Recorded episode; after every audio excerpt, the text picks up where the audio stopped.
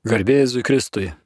Mėly Marijos radio klausytojai, jūs girdite laidą Katechezė. Tęsime paskaitų ciklą Dvasinės ekologijos, bibliniai ir teologiniai pagrindai, kurį vedu aš, vadau Katalikų teologijos fakulteto dėstytojas Artūras Lukaševičius. Taigi žvelgiame į žmogų kaip dviejų organizmų, materialaus kūno ir dvasinės sielos vienovę. Jie yra tie organizmai persipinę, susiję įvairiausiais ryšiais. E, kiekvienas iš organizmų turi savo struktūrą ir savo dėsningumus, kuriuos pažeidus jisai susirga. Taip pat juos atstačius jisai sveiksta. Ir tada žvelgiame į dvasinio organizmo mūsų sielos lygų progresavimą. Matėme, kai savo laisvą valią žmogus pažeidžia kuriejų nustatytą tvarką, ribas peržengia, jisai pažeidžia savo vidinės struktūras ir tas pažeidimas gali progresuoti nuo veiksmo kaip nuodėmės link įpročio kaip įdos ir galų gale susiformuoja tikrai jau sunki, mirtina sielos lyga priklausomybė. Galima būtų palyginti su kūno vėžinio susirgymu priklausomybė. Ir matėme, kaip tokios gerai žinomos priklausomybės kaip alkoholizmas, e, kitų nenagrinėsiu, imsime alkoholizmą, kurį geriausiai pažįstame iš savo aplinkos, iš knygų, filmų, žinome, kaip jisai atrodo ir žvelgsime į jį ir matome, kaip žmogus serga, jo ir kūnas serga, ir protas serga, ir siela serga, visas žmogus serga. Ir man kaip teologui iš dvasinės pusės labai įdomu tai, kad alkoholizmas gydomas yra iš esmės dvasinėmis priemonėmis, labai dvasinėmis, ryškiai dvasinėmis priemonėmis. Tie 12 žingsnių man kaip teologui yra ypač įdomu tai, kad alkoholizmas, kaip ir kitos priklausomybės, yra gydomos pirmiausiai dvasinėmis priemonėmis. Prieš 90 metų atsiradė 12 žingsnių ir šiandien išlieka pagrindinis vaistas, pagrindinis gydimas priklausomybių ir labai įdomu tai, kad tokiu būdu mes matome, kad jeigu vaistas dvasinis, tai ko gero ir žmoguje kažkas tai dvasiško susirgo, kažkas tai iš dvasinės plotmės susirgo, nes jeigu susirgymo šaknis būtų materialiam kūnui, tai tada efektyvus gydimas irgi būtų, prasidėtų nuo materialaus kūno gydimo per medikamentus, procedūras, arba jeigu susirgymas būtų psichologinės plotmės, tai tada būtų ir gydimas psichologinės plotmės. O dabar 12 žingsnių, kaip matėme, yra grinai dvasinė programa kalba apie Dievą, apie atsidavimą Dievui, apie savo gyvenimo moralinės plotmės sutvarkymą. Tai labai stiprus argumentas už tai, kad žmoguje yra tikrai egzistuojantis dvasinis pradas, kuris tikrai gali susirgti ir tada jisai nėra pagydomas materialiom ir psichologiniam priemonėm. Trumpai peržvelgėme 12 žingsnių ir staptelėjau prie tos mums užkliūvančios sampratos Dievas kaip aukštesnioji jėga arba Dievas kaip mes jį supratome. Ir man kaip katalikui šitos tokios frazės kliūva, nes mes žinome, kad gali būti įvairios klaidingos Dievo sampratos, gali būti iškreiptos Dievo sampratos, iškreipti Dievo įvaizdžiai gali būti. Ir mes žinome, kad Dievas parodė, kas ir koks jis yra Jėzuje Kristuje. E, Biblinės Dievo prieškimas pasiekė savo kulminaciją Jėzuje Kristuje ir mes žinom, kad Dievas trejybė, antrasis asmuo trejybės tampa žmogumi tam, kas mus išgelbėtų. Ir dabar štai atrodytų, kad lyg tai šitą biblinę tiesą 12 žingsnių padeda į šoną ir kalba jo apie Dievą tokiais abstrakčiais, miglotais terminais kaip aukštesnio jėga ar Dievas kaip mes jį suprantame. Tai kaip čia yra? Pradžioje 12 žingsnių buvo suformuoluotos labai krikščioniškai. Kūrėjai buvo krikščionys ir jie ir pati 12 žingsnių visa programa yra iš tikrųjų e, biblinių pagrindų sukurta. Ir pradžioje 12 žingsnių tokių frazių kaip aukštesnioji jėga ar Dievas, kaip mes jį supratome, nebuvo. Buvo tiesiog Dievas. Tačiau problema su šitokia formuluotė yra tai, kad ją gali tada priimti tik tai žmogus, kuris yra tikintis bent jau nepriešiškas krikščioniškosioms tikėjimo tiesoms. O alkoholikų tarpe dauguma yra praradę tikėjimą, supykę ant Dievo, ant tikėjimo ir nenori nieko girdėti, nes jie dažnai bandė tikėjimo pagalba vaduotis iš priklausomybių ir nepavyko. Tai tam, kad tokiems žmonėms neužkirsti kelio e, reiškia, buvo pateiktos tokios formuluotės, kurios yra aptakesnės ir tokios miglotesnės. Ir dabar formuluotės, kurios aptakesnės, tokios netokios tikslios tam, kad žmogus galėtų ateiti į 12 žingsnių su pačiom įvairiausiom tikėjimo ar netikėjimo patirtim. Kitaip sakant, tam, kad padėtume sergančiam ateistui, alkoholizmu sergančiam ateistui, padaryta tokia formuluotė, kuri ir jam tiks. Nes 12 žingsnių nėra religija, nėra krikščionybės pakaitalas ar atskira denominacija, tai yra gelbėjimosi ratas, tai yra programa skęstančiam žmogui. Tikrai to žodžio prasme, žmogus skęsta alkoholyje ir gali numirti, gali paskesti, daugybė ir paskesta. Ir dabar jam metamas krikščionys, jam meta gelbėjimosi ratą.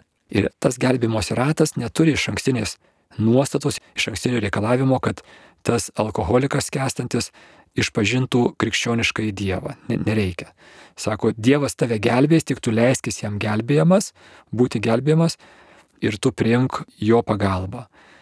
Tai čia būtų toks tas kompromisas tam, kad žmogus toje savo tragiškoje būklėje turėtų kur įsitverti.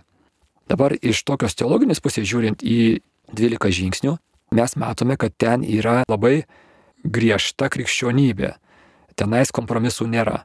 Tuo nagrinėsime tuos 12 žingsnių, matome pirmieji trys žingsniai atsidavimas Dievui, labai kerigmiška, tada turime devynis žingsnius, kurie yra moralinės savo gyvenimo susitvarkymas, irgi labai krikščioniška, netgi katalikiška, pamatysime. Ir tada yra tolesnės trys palaikymo žingsniai, irgi iš esmės tai yra tradicinė krikščionybė su malda ir meditacija ir panašiais dvasinio gyvenimo elementais. Tai reiškia, tie 12 žingsnių yra tokie terminai kartais naudojami ortodoksija ir ortopraksija. Ortodoksija yra teisingas išpažinimas, teisingos formuluotės ir jos yra labai svarbios. Tos teisingos formuluotės, tikėjimo tiesos, apaštalų tikėjimo išpažinimas, Nikėjos Konstantinopolio tikėjimo išpažinimas yra labai svarbus dalykai intelektinėme lygmenyje. Tai yra tiesa apie Dievą. Ir tos tiesos apie Dievą mums padeda e, judėti link susitikimo su Dievu. Bet svarbusis dalykas yra tas susitikimas su Dievu, gyvenimas su Dievu. Yra gyvenimo patirtis. Labai, ir tas kartais vadinama ortopraksija. Tai yra praktinė plotmė, praktinė krikščionybė. Ir galų gale turi jos eiti kartu. Be geros teorijos, be gerų tikėjimo tiesų teisingų nebus ir geros praktikos. Tačiau konkrečiam žmogui, judant e, link krikščioniškumo, E, bus visokiausių tokių nesklandumų, visokiausių išimčių. Kodėl?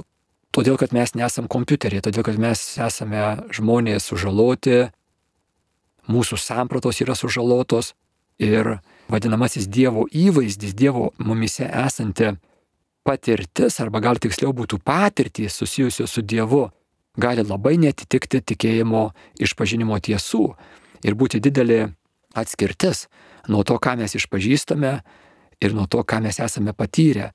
Ir tas Dievo įvaizdžio problema, tai problemai įspręsti šitie 12 žingsnių ir daro akcentą ne ant teisingų tikėjimo tiesų išpažinimo, kaip sąlygos žengti į blaivumą, bet ant praktikos. Kitaip sakant, leidžiama žmogui turėti tą Dievo įvaizdį, kokį jisai turi, ir nereikalaujama šitame pirmajame etape to įvaizdžio keisti, o kviečiama jį daryti žingsnius, kurie tą įvaizdį palaipsniui gerins, darys jį teisingesnį. Panašu būtų galima sakyti, kaip ir mes visi turime tam tikrą prasme nešvarius akinius, per kuriuos žvelgiame į Dievą. Mūsų gyvenimas, mūsų nuodėmingumas, nuodėmės prieš mus yra mūsų dvasiniai žvilgsniai užtemžiusios. Ir mes visi turim iškreiptą neteisingą Lietuvoje labai paplitęs dievų įvaizdis kaip policininko, kuris reikalauja tam tikrų taisyklių laikymosi ir už tai duos dangų, duos tam tikras dovanas. Tai yra visiškai iškreiptas, visiškai neteisingas, labai žalojantis Dievo įvaizdis. Ne, taip nėra, Dievas nėra policininkas. Ir daugybė žmonių tas klaidingas Dievo įvaizdis jiems trukdo patirti Dievo meilę, nes policininkas nemyli jisai tik tai žymi nuobaudas ir baudžia tada už tas nuobaudas. Nu ir jeigu tų nuobaudų nepadarai, tada jisai nebaudžia. Ir gal duos prizą. Bet meilė visai kas kita yra. Ir dabar vat mumise esantis iškitas Dievo įvaizdis iš esmės yra pagrindinė kliūtis mums judėti dvasinės brandos, dvasinio gyvenimo augimo ir sveikimo keliu. Mums visiems, ir tie, kurie nesame alkoholikai, ir tie, kurie esame alkoholikai. Iš to Dievo įvaizdžio perspektyvo žvelgiant, galima suprasti, kodėl šita gelbėjimosi programa pradžioje reiškia toleruoja tokias miglotas ir kompromisinės frazes, kaip aukštesnioji jėga arba Dievas, kaip mes jį suprantame. Mūsų Dievo įvaizdis iš esmės labiausiai yra paveiktas mūsų ankstyvųjų vaikystės patirčių. Tėvai yra tie pirmieji Dievo atstovai, kurie vaikui labai stipriai atstovauja Dievą, žvelgdamas į tėvus, netgi nežvelgdamas, o tiesiog mažas vaikas, kūdikis, gyvendamas savo namuose, iš tėvų elgesio ir buvimo, pats to nesuprasdamas, labai gilias išvadas pasidaro apie galutinius dalykus ir ypatingai apie Dievą. Ir jeigu, įsivaizduokime, vaikas užaugo šeimoje, kurioje nebuvo rūpinamasi juo, arba dar blogiau buvo smurtaujama prieš jį, tai jo Dievo įvaizdis bus labai iškreiptas ir vėliau, daug Dieve, kad jisai, tarkim, atėjo į tikėjimą ir pradėjo gyventi dvasinį gyvenimą, palaipsniui pradeda jo Dievo įvaizdis sveikti, tiesintis, bet užtruks labai daug laiko. Tačiau tai yra procesas. Ir kartais tas procesas yra labai lėtas, kartais yra greitesnis, bet iš esmės tai yra sunkus procesas, nes turi manyje esantis labai giliai ir labai gilios patirtys būti iš naujo pervertintos. Ir aš turiu patirti kitaip. Jeigu vaikas buvo apleistas, jo buvo nesirūpinama, tai jis iš esmės ir Dievą matys kaip tą, kuris nesirūpina. Esu skaitęs apie tai, kaip vaikai, kurie užaugo šeimose, kuriuose buvo prievarta, smurtas, fizinis, seksualinis smurtas, jiems vėliau būna problemos kreiptis į Dievą kaip į tėvą. Jeigu žemiškasis tėvas smurtavo, tai tas archetipinis įvaizdis tėvo yra labai užterštas. Ir tokiems vaikams labai keblu būna priimti Dievą kaip tėvą, nes tėvas jiems susijęs su blogais dalykais. Matot, jų Dievo įvaizdis. Ir tikėjimo tiesos, tai, kad tikėjimo tiesos reiškia sako, tikiu į Dievą, tėvą, visą gali, dangaus ir žemės sutvėrėją. Ta tikėjimo tiesa yra teisinga, viskas tvarkoja, viskas labai gerai. Bet kaip dabar padaryti, kad ta tikėjimo tiesa jam nusileistų iki patirtinio lygmens, iki širdies? Sakoma, kad atstumas tarp proto ir širdies yra pats didžiausias atstumas šioje žemėje. Tai va tie du sprindžiai tarp galvos ir širdies tikrai yra didžiausias atstumas šioje žemėje ir neužtenka tik tai teisingų formuluočių, teisingų tikėjimo tiesų. Jos yra svarbios, bet jos yra ne viskas. Jas reikia pasisavinti, įgyvendinti ir, ir tai yra ilgas procesas. Ir čia kalbu jau apie mus visus, kurie iš esmės stengiamės gyventi aktyvų krikščioniškai, katalikiškai dvasinį gyvenimą, tai pagrindinė arba viena iš pagrindinių užduočių yra tvarkyti Dievo įvaizdį. Mūsų Dievo įvaizdis visų yra sužalotas ir tada mes, kadangi mes su Dievu neišvengiamai bendraujame niekaip kitaip, kaip tik tai per tą įvaizdį Dievo, kurį turime. Ir jeigu tas Dievo įvaizdis yra iškreiptas, tai mūsų ir Dievo supratimas bus iškreiptas ir atitinkamos mūsų reakcijos bus klaidingos. Ir mes galime daryti teisingus dalykus, turėdami klaidingas širdies nuostatas. Gali žmonės eiti į mišes, mišios yra meilės pasimatymas, bet jie eina į mišes kaip samdiniai, kad užsidėtų pliusiuką pas policininką Dievą.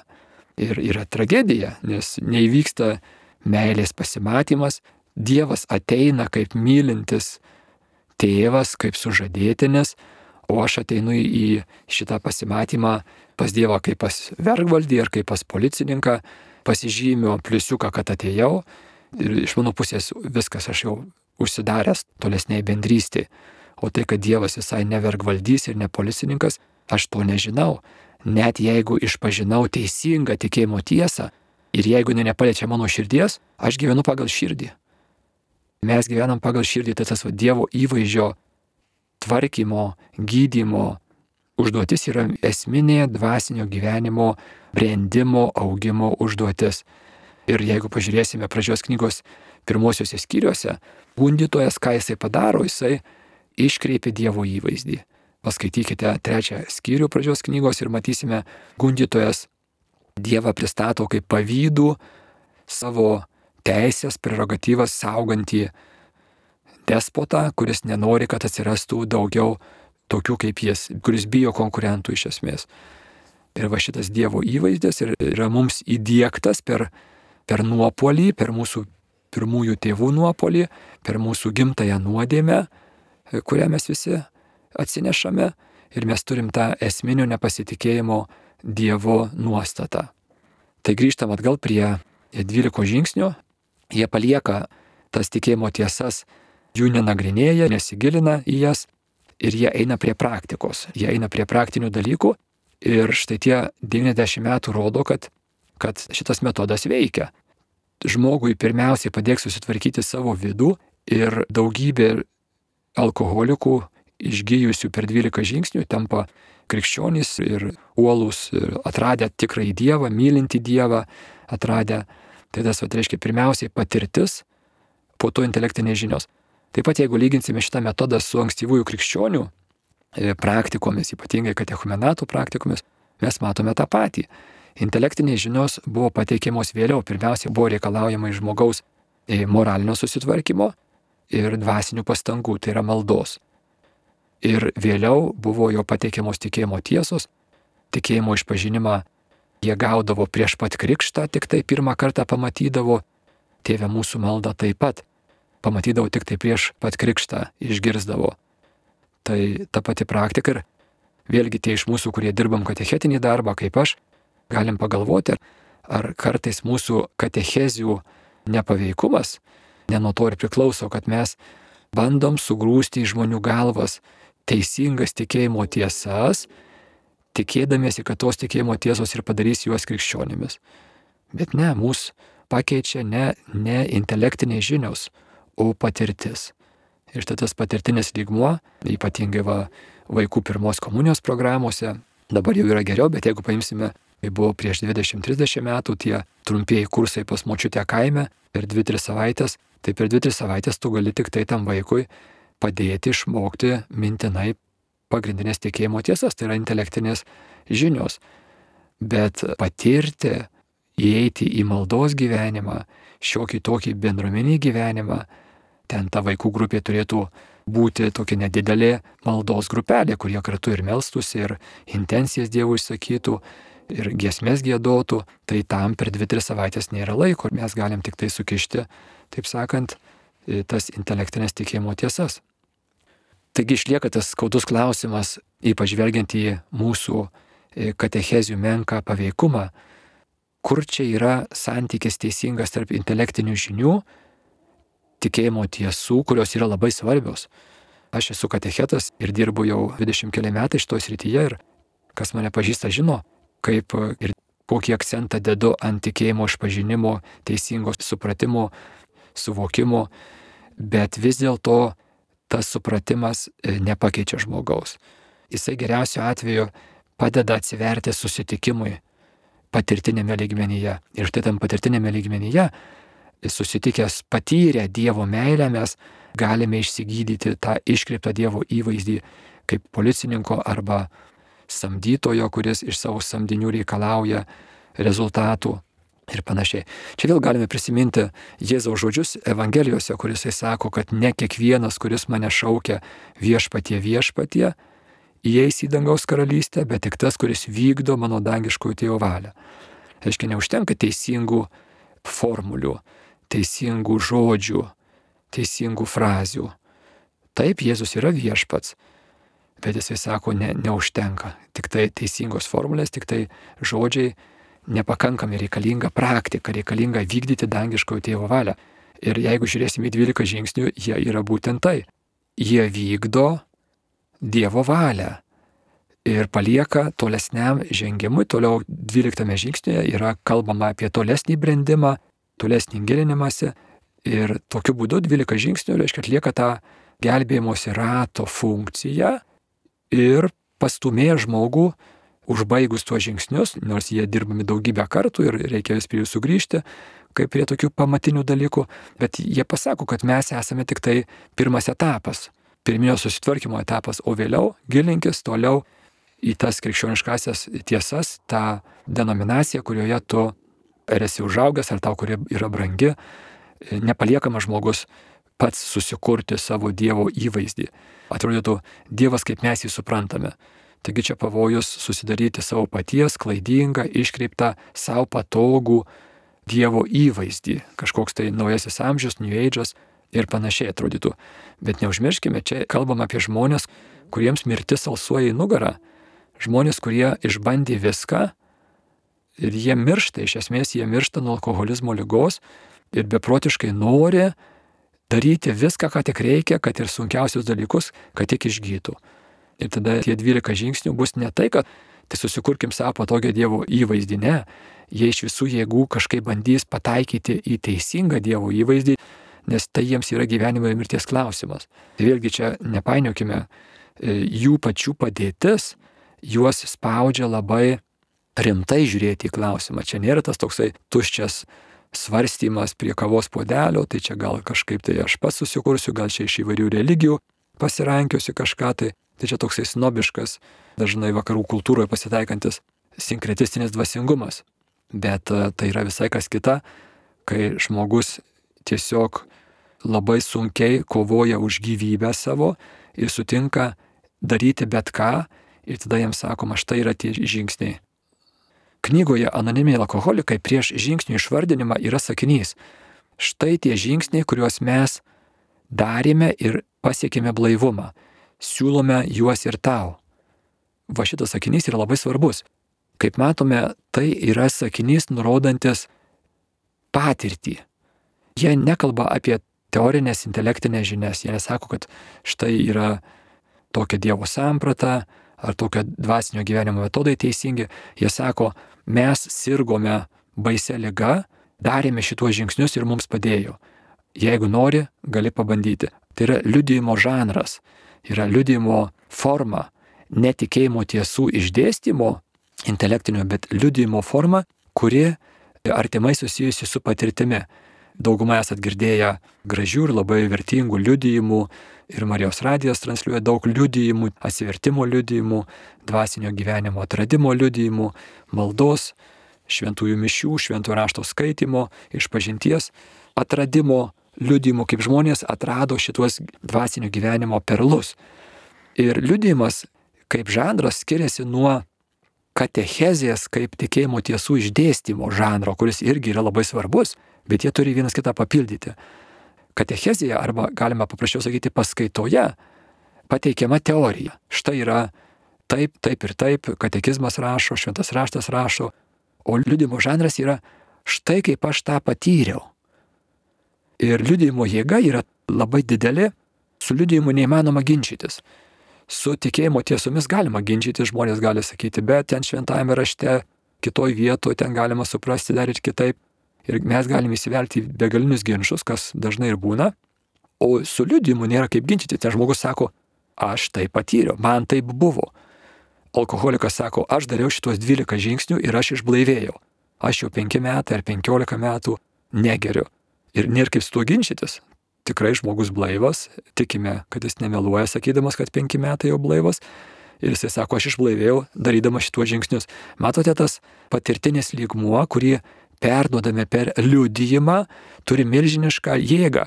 Su liudijimu neįmanoma ginčytis ir tada anoniminių alkoholikų knyga kviečia. Siūlome ir tau pabandyti. 12 žingsnių nėra liepiamoji nuosaka, tai yra pasiūlymai. Mes taip darėme, mums padėjo, siūlome ir tau. Jie nesiginčia, ar čia yra teisingi žingsniai, neteisingi žingsniai, tiesiog sakom, mums pavyko. O iš teologinės pusės nagrinėjant žingsnius, mes galim suprasti, kodėl pavyko, nes tai iš esmės krikščioniški bibliniai principai, universalūs principai, kuriuos jie sažiningai įgyvendino.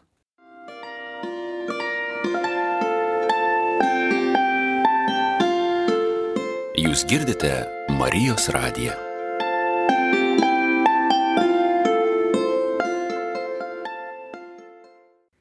Mėly Marijos radio klausytojai, jūs girdite laidą Katechezė. Tęsime paskaitų ciklą Dvasinės ekologijos, bibliniai ir teologiniai pagrindai. Taigi mums, kurie nesergame cheminėmis priklausomybėmis, 12 žingsnių yra, man atrodo, labai įdomus pagrindinių dvasinių principų sąrašas ir mes galime iš jo daug pasimokyti dėl dviejų priežasčių. Pirmoji, kad jie yra bibliniai principai, vadinasi, mes dar kartą pamatysim tuos pačius jau žinomus biblinius principus, galbūt truputį kitų kampo išreikštus. Ir antras dalykas, kas man kaip katalikui ir katechetui labai svarbu, anoniminiai alkoholikai dažnai turi džiaugsmo, kurio aš nepastebiu net praktikuojančiuose katalikuose. Kaip čia yra, kad mes katalikai turėdami tikėjimo tiesų pilnatvę ir tikėjimo ir malonės pilnatvę ir praktikuodami reguliarios mišios, išpažintis, dvasinis gyvenimas, kodėl mes tokojame to džiugesio, kurį turi kai kurios krikščioniškosios katalikiškos grupės, maldos grupės ir anonimi alkoholikai. Tai man čia praktinis klausimas, praktinis rebusas, kurį aš bandau išspręsti ir savo pačiam ir tiem žmonėms, su kuriais kaip katechetas jau 20 keli metai dirbu. Svarbus dalykas yra, nes krikščionybė turi įsireikšti, turi matytis mumise. Žmonės turi matyti mumise tą laimingumą, tą buvimą palaimintų, kadangi mes esam su laimingumu ir palaiminimo šaltiniu, arti to šaltinio, tai mes turim būti nuo jo užsikrėtę, nuo Dievo, tuo džiaugsmu ir ramybė, ir atjauta, stiprybė ir panašiai. Ir man mat klausimas yra, kaip čia yra, kad alkoholikai dažnai tą turi, ir mums reikėtų kažką tai iš jų pasimokyti, kad ir mes tą turėtume, nes tai priklauso krikščionybės mūsų krikščioniškumo pagrindui. Taigi 12 žingsnių gali duoti mums svarbias pamokas, kaip tuos turtus, kuriuos mes turime bažnyčioje, šventame rašte, sakramentuose, kaip juos pilniau panaudoti.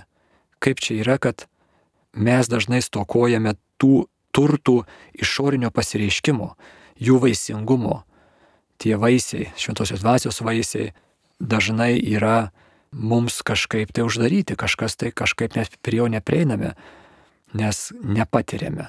Patirtinis lygmuo, prie kurio turime judėti pasiremdami intelektinėmis žiniomis ir kitom priemonėm, bet reiškia tas patirtinis lygmuo kažkodėl tai lieka uždarytas.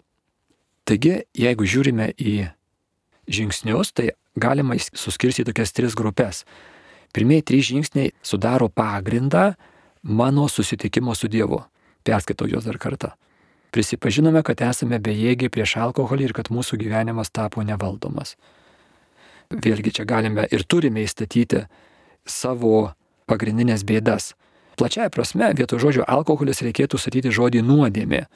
Prisipažinome, kad esame bejėgiai prieš nuodėmę ir jos pasiekmes ir mūsų gyvenimas tapo destruktyvus mes greuname savo ir kitų gyvenimus ir laimę. Vietoj žodžio alkoholis įstatyti galima tą pagrindinę moralinę bėdą, kurią visi mes turime vienokią arba kitokią.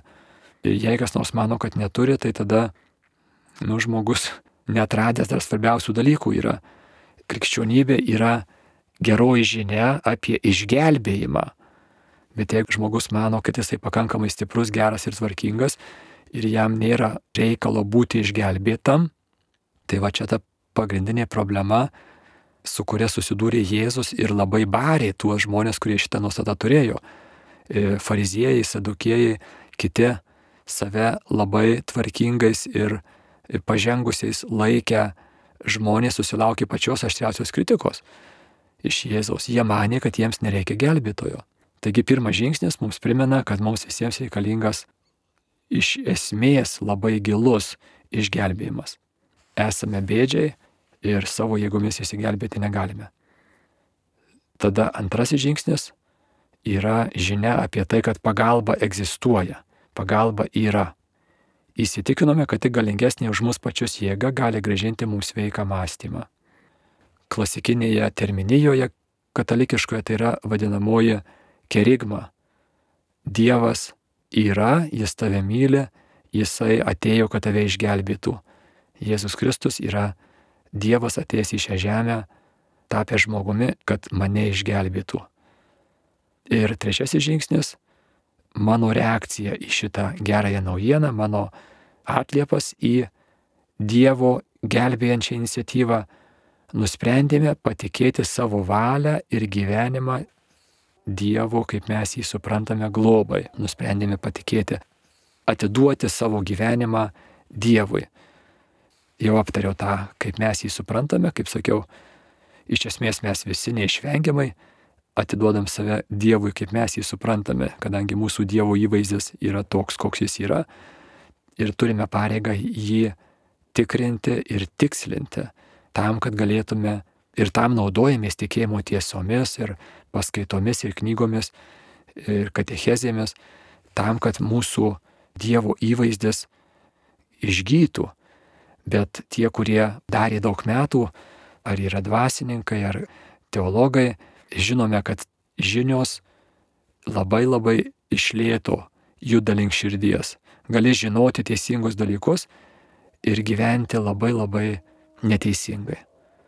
Ir tas faktas, kad žmonės, kurie studijuoja teologiją ir gyvena dvasinį gyvenimą, pavyzdžiui, dvasininkai taip pat yra pažeidžiami alkoholizmo ir panašių priklausomybių. Bet jie juk žinias turi. Jie šešis metus studijavo, mažiausiai šešis metus. Jie e, gyvena dvasinį gyvenimą, mišios ir dvasiniai skaitimai ir panašiai.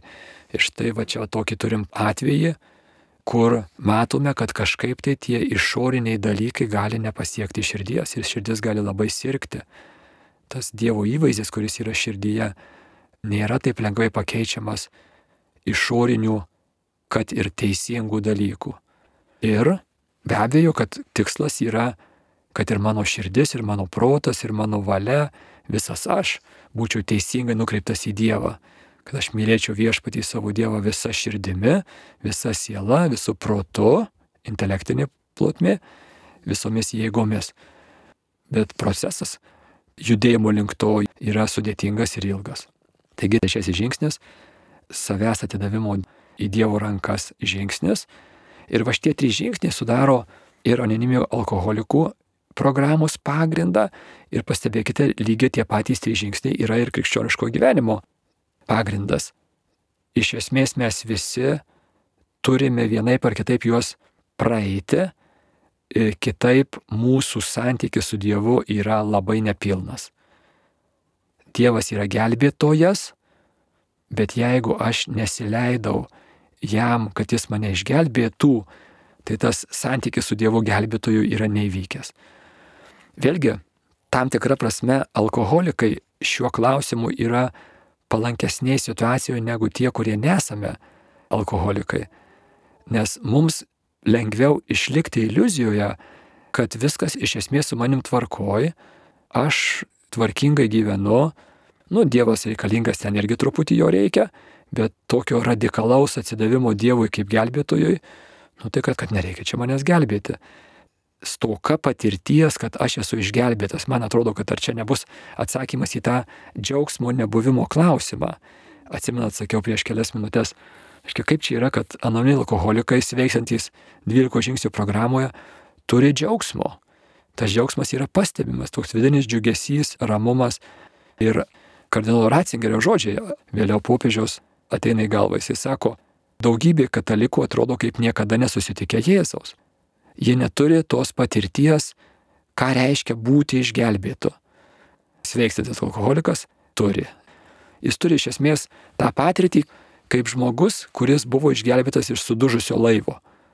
Tai ta patirtis buvimo išgelbėto iš sudužusio laivo nuspalvins, ko gero, visą likusį jo gyvenimą ir greičiausiai jisai kiekvieną dieną prisimins, kad galėjo šitos dienos ir nebūti, aš galėjau jau seniai būti jūros dugne. Tas vad buvimo išgelbėtų patirtis, tai labai kviečiu visus katalikus, kurie ar esame, ar nesame jokio skirtumo, e, priklausomybių kankinami žmonės, visi mes esame kažkaip priklausomi kankinami, pasvarstyti šitą klausimą. Čia yra esminis mūsų kiekvieno krikščioniško gyvenimo pamatinis klausimas. Iš ko aš esu išgelbėtas? Ir tada kiekvieną rytą prisiminti ir padėkoti, kad aš esu išgelbėtas. Tai va čia bus tai, padarysime tai, ką anonimų alkoholikų 12 žingsnių programa savo pirmaisiais trim žingsniais akcentuoja. Nepamiršk žmogau, kad tu esi išgelbėtas labai labai konkrečiai. Neužtenka tik tokio bendro frazė. Jėzus yra gelbėtas, na tai aš esu kaip krikščionis taip pat kažkaip tai išgelbėtas. Ne kažkaip tai, bet labai konkrečiai. Ir jeigu negaliu suformuoluoti, iš ko aš esu išgelbėtas, tai ko gero mano santykis su Dievu kaip gelbėtoju dar yra labai nepilnas. Tai šito vietoje baigsime, pratesime žingsnius nagrinėti ir jų pamokas mums, katalikams, kitose laidose. Girdėjote laidą Katechezė, tęsime paskaitų ciklą Dvasinės ekologijos bibliniai ir teologiniai pagrindai, jį vedžiau aš, vadau Kataliko teologijos fakulteto dėstytojas Artūras Lukaševičius. Likite sveiki.